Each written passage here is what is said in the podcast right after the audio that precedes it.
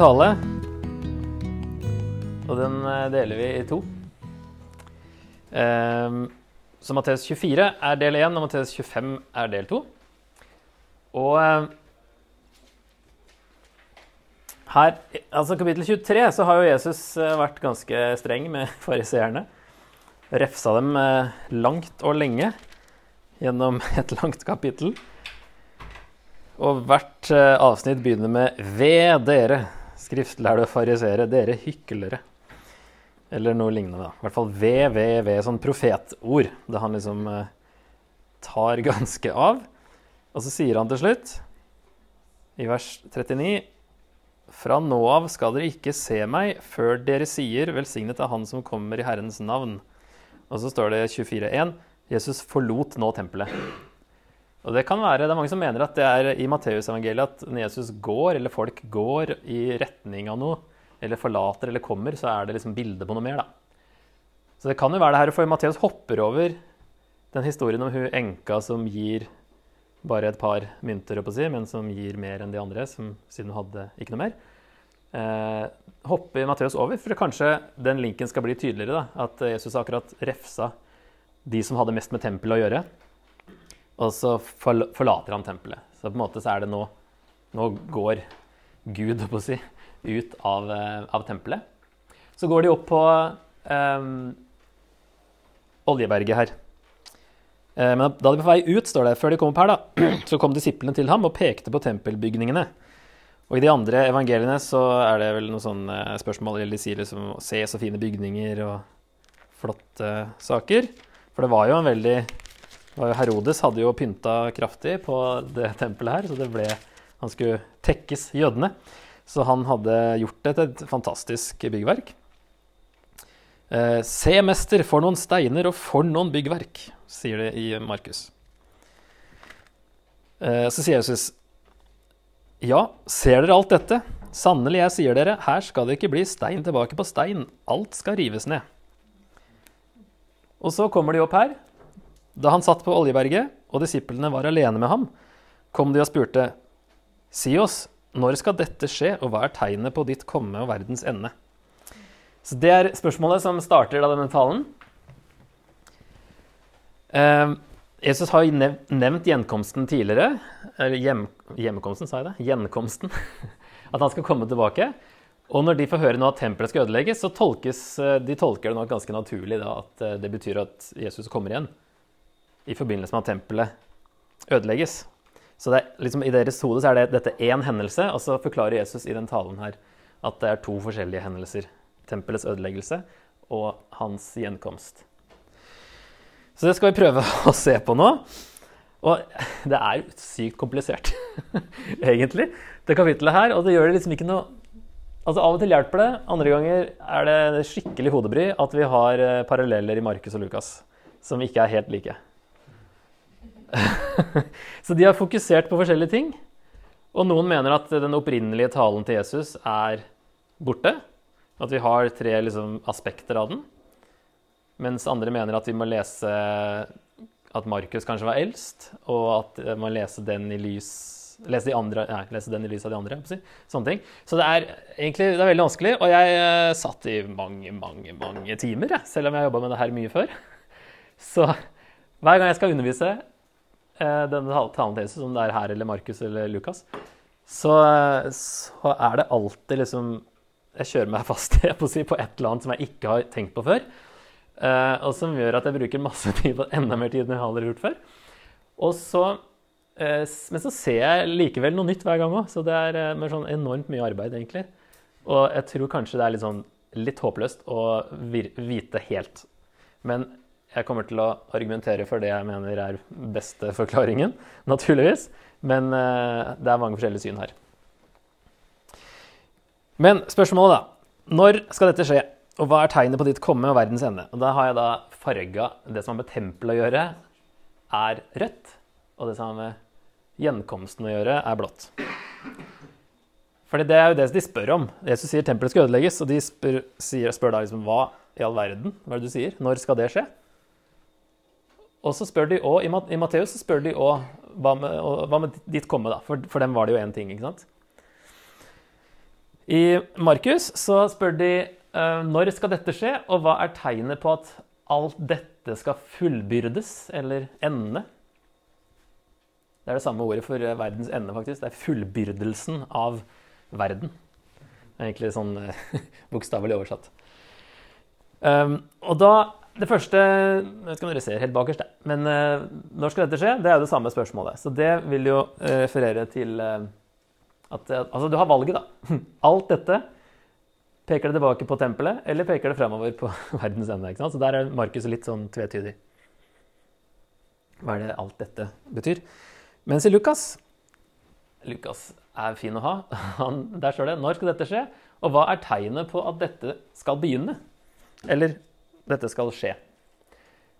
Og Lukas har veldig fokus på tempelet, eller veldig sånn i spørsmålet så handler det nesten bare, eller det handler bare om tempelet i spørsmålet deres. Markus er litt mer tvetydig, men det handler i hvert fall om tempelet. Men kanskje del to er som i uh, Matteus, eller kanskje del to er som i Lukas. Men poenget er i hvert fall at tempelets fall i år 70 etter Kristus må være med i svaret til Jesus. Ellers så svarer han jo ikke på det de faktisk lurer på. Og vi er vant til å lese det kapittelet her som at alt handler om verdens ende og Jesu gjenkomst. Men jo, noe av det må jo handle om, Jesus, om tempelets fall. Det er jo det de spør om, og det er det Jesus kommer til å svare på. Men så prøver han å forklare at det er ikke samme som at Jesus, uh, gjenkomsten, verdens ende, er ikke det samme som at tempelet skal ødelegges. Jeg vet ikke hvor hot stuff det her er lenger. liksom. For en generasjon siden så var det her eh, en sånn test på om du var innafor eller utafor. Si. Hvordan du tolka det kapitlet her. Men jeg føler at det er, liksom, det er ikke så viktig lenger. Men eh, jeg syns det er interessant likevel å, å, se på dette her. Eh, så fra vers 4.: Jesus tok til orde og sa, pass på at ikke noen fører dere vill. For mange skal komme i mitt navn og si, jeg er Messias, og de skal villede mange. Dere skal høre om kriger, og det skal gå rykter om krig. Se da til at dere ikke lar dere skremme. For dette må skje, men ennå er ikke enden kommet. Folk skal reise seg mot folk og rike mot rike, og det skal være hungersnød og jordskjelv mange steder. Men alt dette er bare begynnelsen på fødselsriene. Da skal de utlevere dere til forfølgelse og slå dere i hjel. Ja, dere skal hates av alle folkeslag for mitt navns skyld.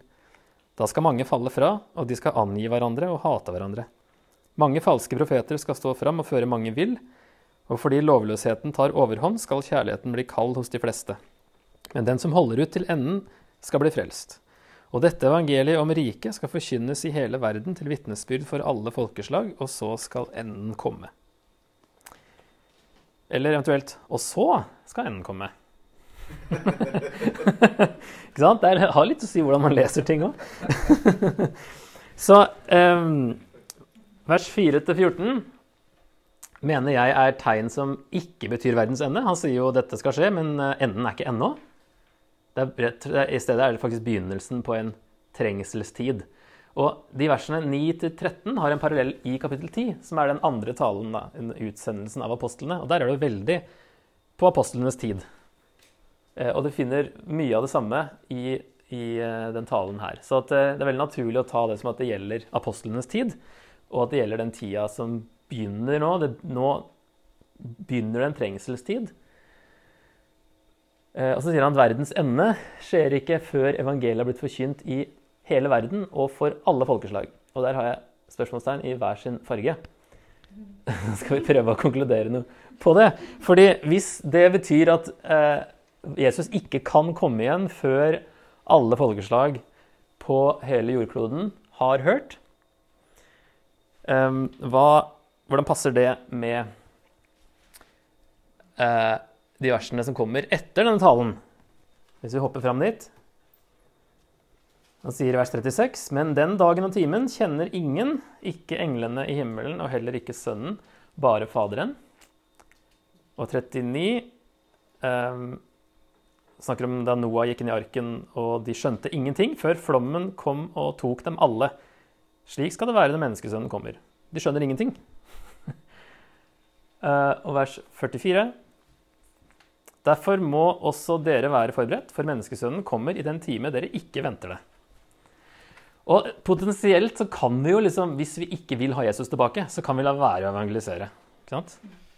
Ut fra den tanken, da. Men jeg syns Jesus går veldig imot det i vers 48. Eh, Sett at dette er en dårlig tjener som sier til seg selv det varer lenge før herren min kommer, og så gir seg til å slå de andre tjenerne og spise og drikke sammen med drukkenbolter.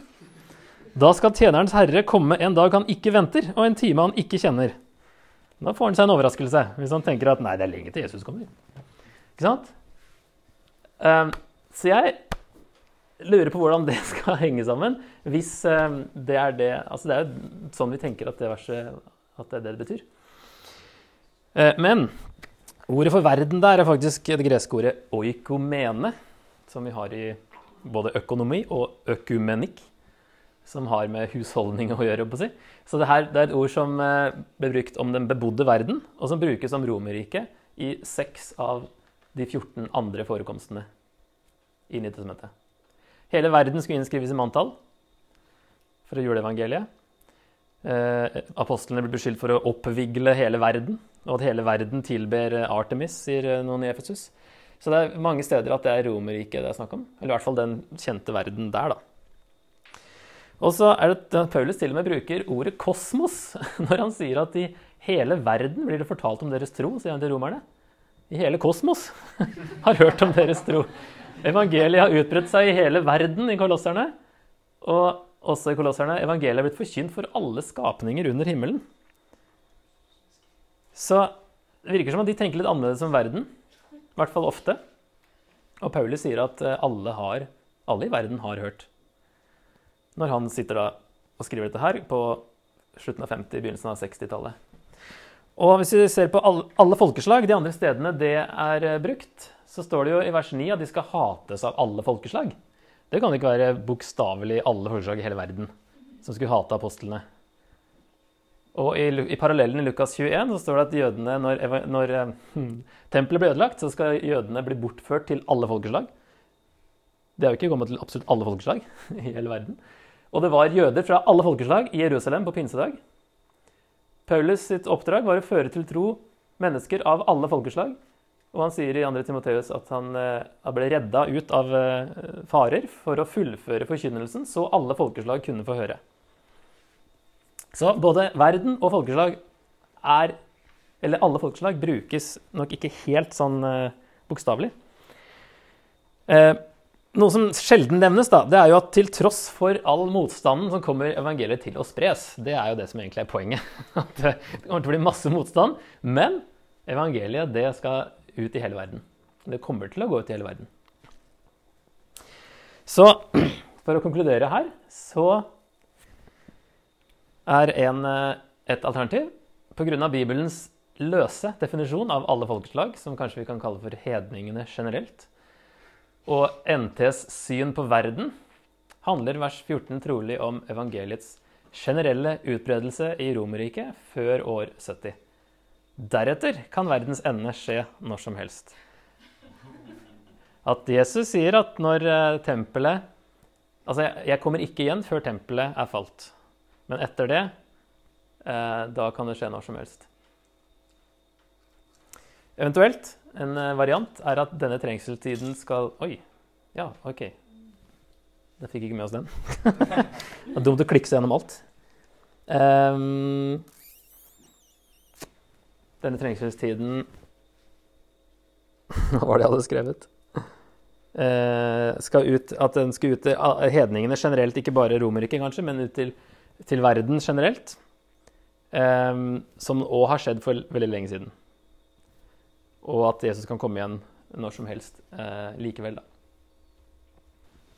Vers 15 til 21 er tegn på at tempelet skal ødelegges, og beskrivelse egentlig av den jødiske krig som skjedde 66-70, og som da endte med at tempelet ble ødelagt når romerne kom og ødela tempelet. Og ble kalt da en, en stor trengselstid her.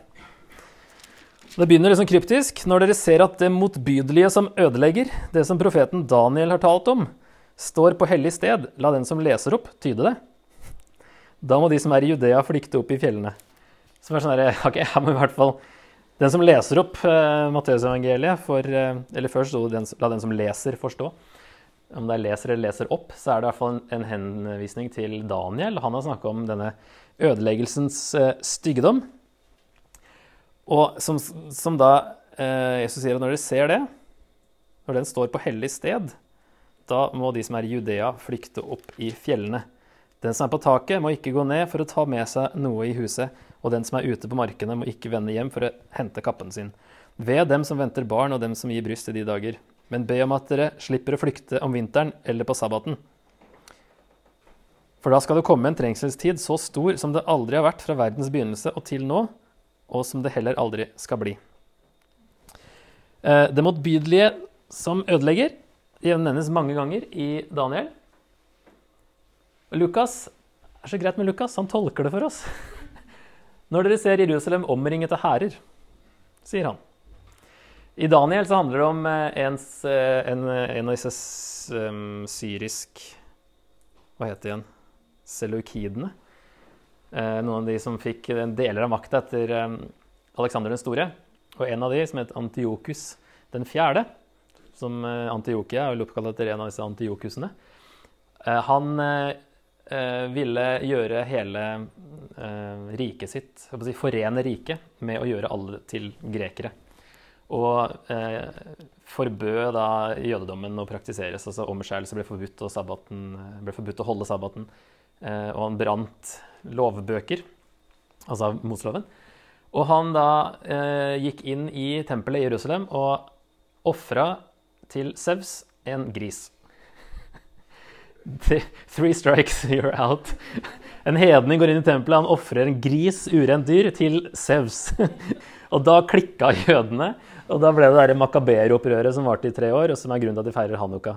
At de klarte å, å rededikere tempelet til slutt. da. Eh, men det er den stygge, motbydelige som ødelegger, altså ødeleggelsens styggedom, som det også sto før. Det var det at når tempelet blir vanhelliget som Lukas tolker veldig greit, da, som at Jerusalem omringet av hærer. Men i, i, denne jødiske krigen så var det både at seloter og andre jødiske begynte å okkupere tempelet, og de, folk ble drept i tempelet, og de behandla ikke tempelet som de skulle. Og når romerne kom, så gikk de også inn i tempelet og gjorde som de ville der, og ødela det jo. Sånn at eh, man kunne se tegn på når, når tempelet ikke ble behandla eh, riktig, så sier Jesus eh, 'kom dere vekk'. For nå kommer det snart en skikkelig trengselstid og som har med den jødiske krigen å gjøre, ut fra Lukas. Det er veldig få som leser Lukas 21, men det er, det er mye enklere i Lukas 21 enn i Markus 13 og Matteus 24. Så eh, har vi en kirketradisjon fra en som het Eusebius, som første som skrev kirkehistorie på begynnelsen av 300-tallet. Han skriver da at medlemmene av menigheten i Jerusalem ved hjelp av et ord gitt ved en åpenbaring til troverdige personer der, ble beordret om å forlate byen før krigen begynte, og slå seg ned i en landsby i Perea kalt Pella. Til Pella emigrerte de som trodde på Kristus, fra Jerusalem. Og det kan vi datere visstnok til ca. år 68. Så litt inne i krigen her så var det folk som skjønte at det her har Jesus snakka om, og så stakk de kristne og kom seg unna denne her massakren som skjedde, som vi vet veldig lite om. som var, Tempelet har jo vært ødelagt siden da, og ikke klart å bygge det opp igjen. Lukas i Lukas 21, han, eller Jesus forklarer det der som at dette er Guds dom. Det er nok derfor det ikke har blitt gjenoppbygd òg. For det her er, eh, det skulle ikke gjenoppbygges. Det er over. Den gamle pakt og ofringen er oppfylt osv. Eh, men det er Guds dom fordi de avviste Messias. Da. Så skal vi gå litt videre. og så her har jeg tatt 22, vers 22 med i neste avsnitt, selv om det står som en del av forrige avsnitt. Men jeg tror det gir mer mening å ta det med i neste. Om disse dagene ikke ble forkortet, altså at han da snakker om ikke bare den eh, jødiske krigen, men hele den trengselsperioden som begynner nå med Jesus, si, når Jesus dør og står opp. Eh, om disse dagene ikke ble forkortet, ville ikke noe menneske bli frelst, men for de utvalgtes skyld skal disse dagene forkortes. Om noen da sier til dere, Se, her er Messias, eller Der er han, så tro det ikke. For falske messiaser og falske profeter skal stå fram og gjøre store tegn og under, for om mulig å føre selv de utvalgte vill. Nå har jeg sagt dere det på forhånd. Om de altså sier til dere, se, han er ute i ødemarken, så gå ikke dit ut, eller se, han er i et rom der inne, så tro det ikke. For slik som lynet går ut fra øst og lyser like til vest, slik skal det være når menneskesønnen kommer. Hvor åtselet er, vil gribbene samles. Det er en annen gåte som vi kan ta en annen gang.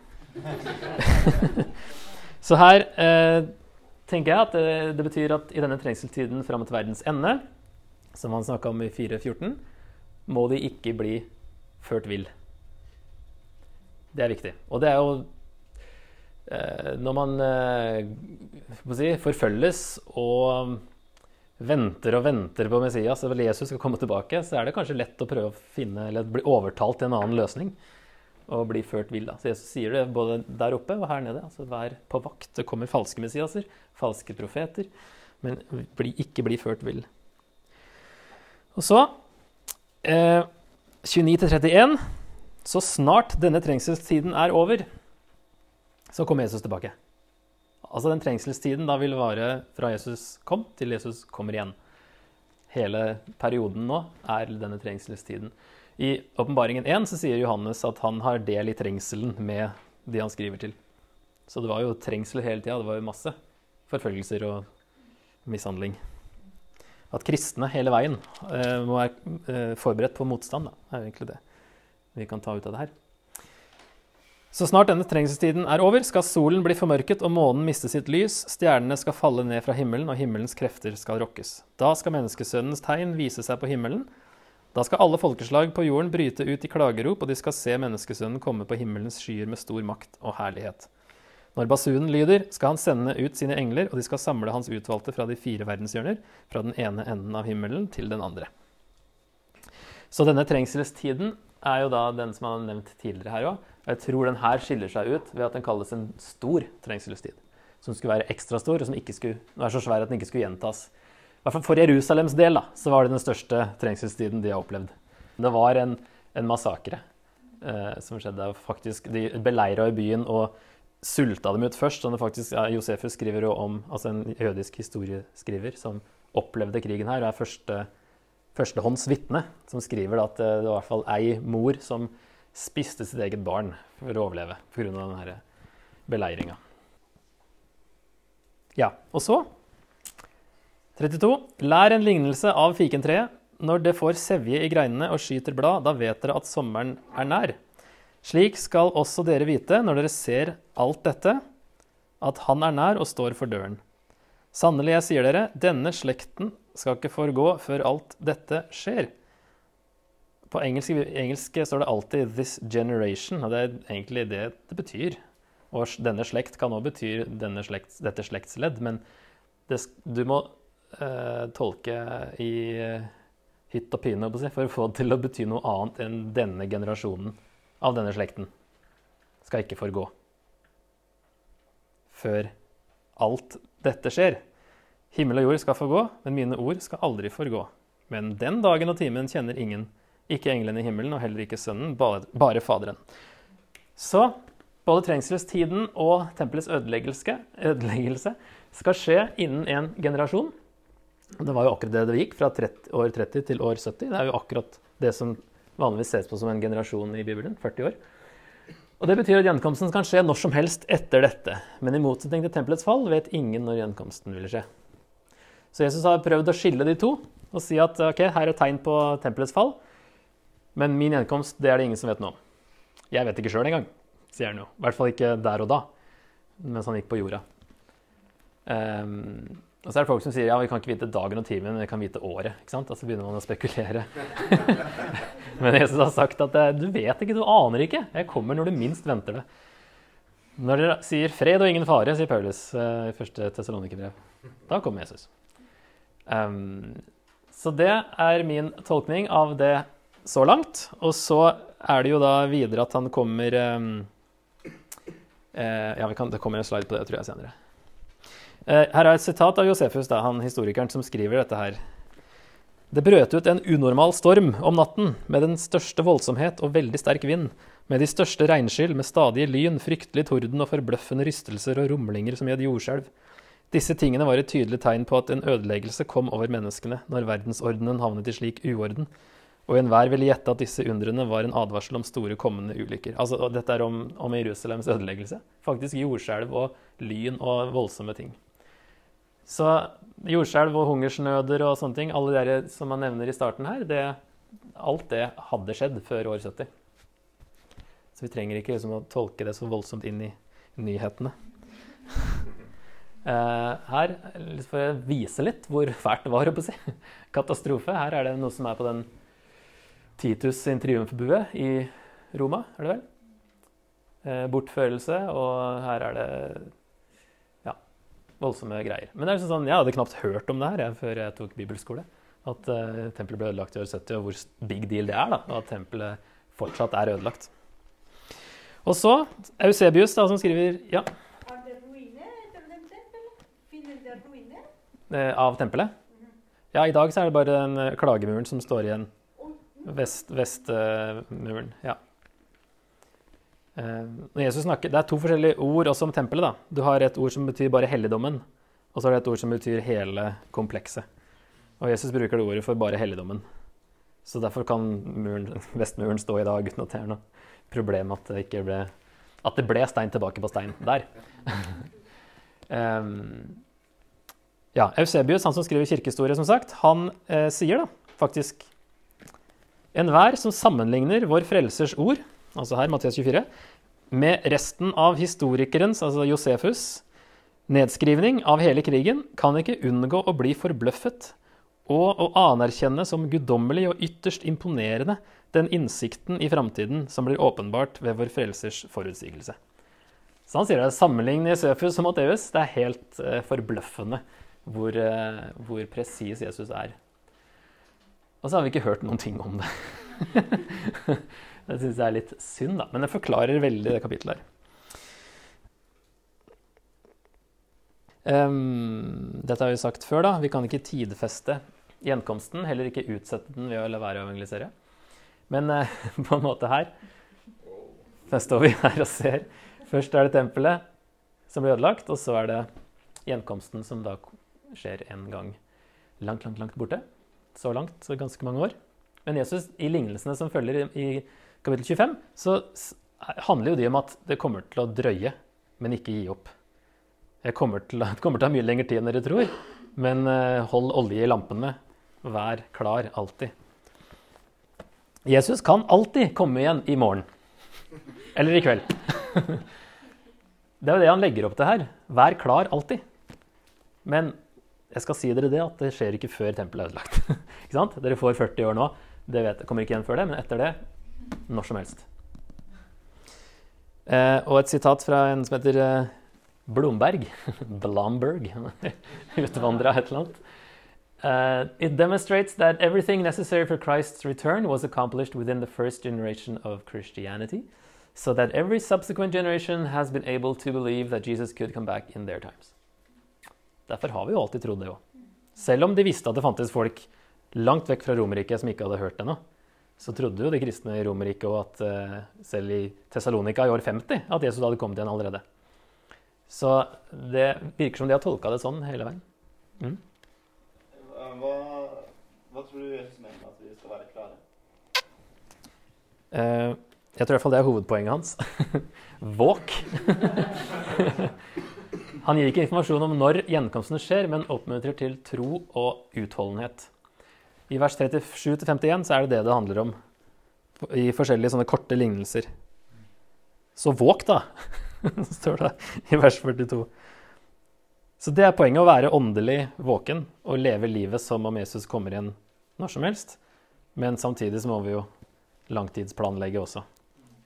Men det å alltid være klar og ikke liksom Nei, om kanskje et par år skal jeg få gjøre i stand livet mitt. Si. Jeg vet at det ikke er helt på stell nå, men Jesus kommer ikke ennå, så vi har tid til å Ja, og så kapittel 25. Så går han da videre med lignelser, litt lengre lignelser, tre stykker, som eh, går på det her med å holde ut selv om gjenkomsten drøyer, som sagt. Det tar vi mye kjappere enn det vi har gjort nå. Eh, først er det lignelsen om brudepikene, da, i, kapittel, eh, i vers 1-13 ikke vi trenger å lese alle de, men Der sovner alle sammen, men de kloke var forberedt og hadde olje, mer olje igjen, da, til å få lys på lampene. Ingen vet tidspunktet for gjenkomsten. Det kan bli forsinket, men vi må uansett være forberedt. Sånn at alle sovner. Det drøyer for alle, men de var forberedt likevel. Um, og hadde uh, mer olje og når de da ble vekka når Eh, brudgommen kommer da i lignelsen her. Og så er det den lignelsen om talentene, som eh, handler om å tjene Herren mens du venter med det du har fått. Nå er det jo talenter, er jo ikke talenter sånn som det betyr i dag. Det er penger og vekt. Men ordet talent for oss, det kommer fra den lignelsen her. Fra 1600-tallet eller sånt nå, så kan vi spore det i hvert fall at det, Fordi man har tolka den lignelsen her som utover bare penger, men også det du har fått av talenter. Så det er på en måte en videreføring, men det er egentlig penger de får, og blir da betrodd noe av Gud. Og eh, de som da tar risker og investerer det de har fått, blir belønna. Mens han eh, ene tjeneren da, som bare graver det ned, det er egentlig, han er ikke bare sånn redd, men det er egentlig sånn latskap. Og tar det ikke seriøst, egentlig. Eh, for han kunne satt i banken, som eh, han eh, herren her sier. Hvorfor gjorde du ikke det, i hvert fall? Så han i hvert fall tjent noe uten å gjøre noe. ikke sant? Så han bare gidder ikke det engang. Men det kan bli litt sånn der, bli litt sånn, da er det voldsomt reaksjon da, på han stakkars tjeneren, tenker vi når vi leser den lignelsen, men det er, ligger nok litt mer der. Um, så i mellomtida, når vi venter, så må vi bruke det vi har fått, for Guds rike. Det er egentlig poenget her. Og så er det den som bildet er henta fra, at uh, den dommen når Jesus kommer tilbake for å dømme levende og døde, så er jo domsgrunnlaget i den lignelsen her hva man har gjort mot disse mine minste søsken.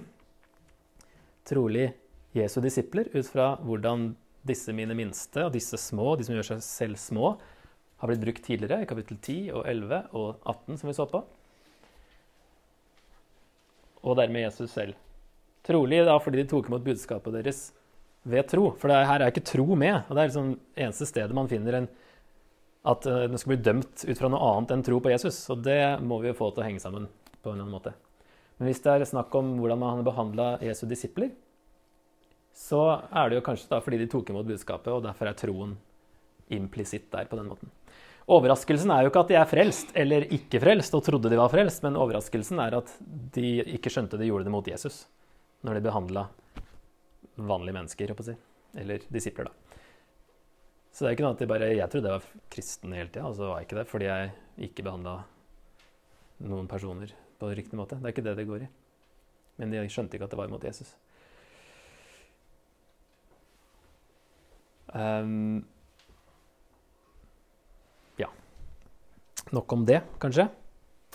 Uh, men ikke, man kan ikke konkludere med at dommen her skal være på noe annet grunnlag enn tro.